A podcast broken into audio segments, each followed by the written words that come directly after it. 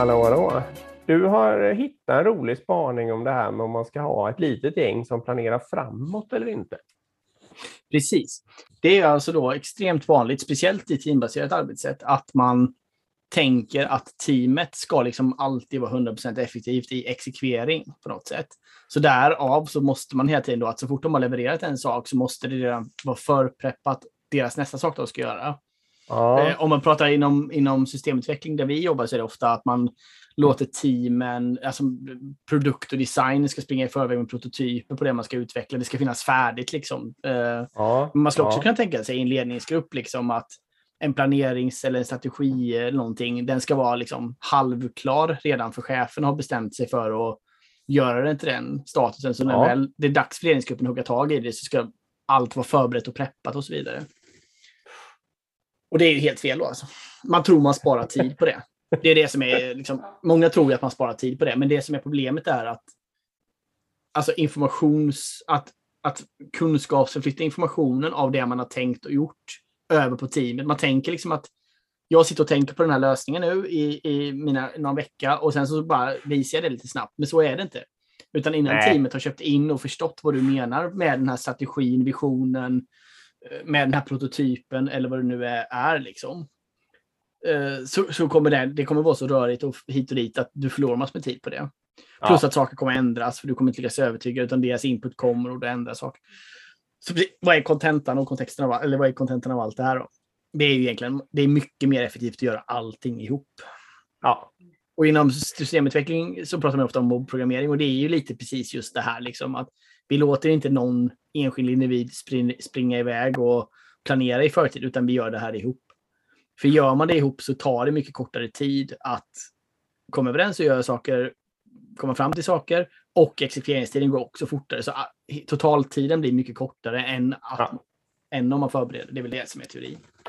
Så te- tesen på bondsvenska blir ju lite, gör klart tillsammans, ta en rast, eh, ladda om tillsammans och planera upp skiten, eh, vad det nu är för någonting ni ska göra. Liksom. Ja. Eh, det finns en rolig bild på det också som du visade via Twitter. Eller.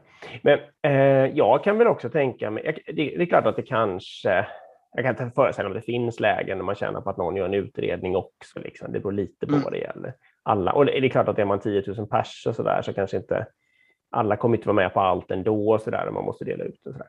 Men just om man är ett team som ska göra Eh, eller en väldefinierad mängd människor som ska utföra, som ska uttrycka, men det skulle kunna vara flera team eller lite vad som helst också.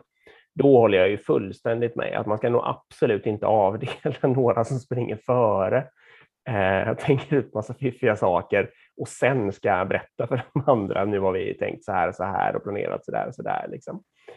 Eh, det finns väl Nej. också en, någon slags faktor, jag ska bara säga, att eh, det är snudd på att man inte, det här beror lite på vad det gäller i och för sig, men det kan vara så att om man, det lättaste sättet att lära sig någonting, eller förstå någonting, är ju att behöva planera ut, eh, eller liksom tänka ut det själv. Och att en sån här kunskapsöverföring som teoretiskt är smart, den blir liksom värre än Alltså den tar längre tid än vad det skulle ha tagit. Alltså även den tar längre tid än alltså enskilt än vad det skulle ha tagit att göra det. Ja. Det, det, det är precis just det som händer. Va? Att både den tar längre tid, kunskapsöverföring tar otroligt mycket längre tid än vad man trodde, så totaltiden blir enormt mycket längre än om man bara gjort det. Exakt.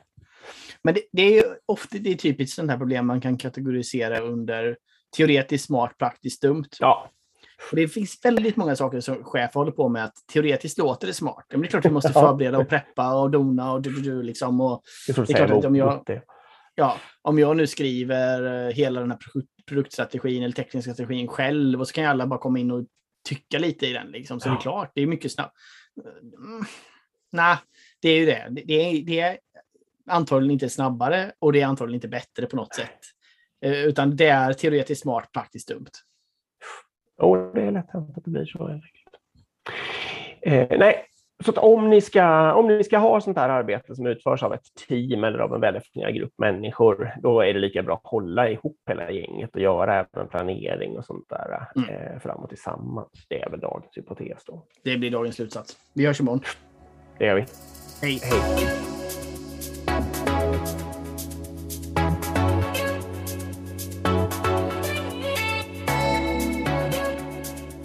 Bye.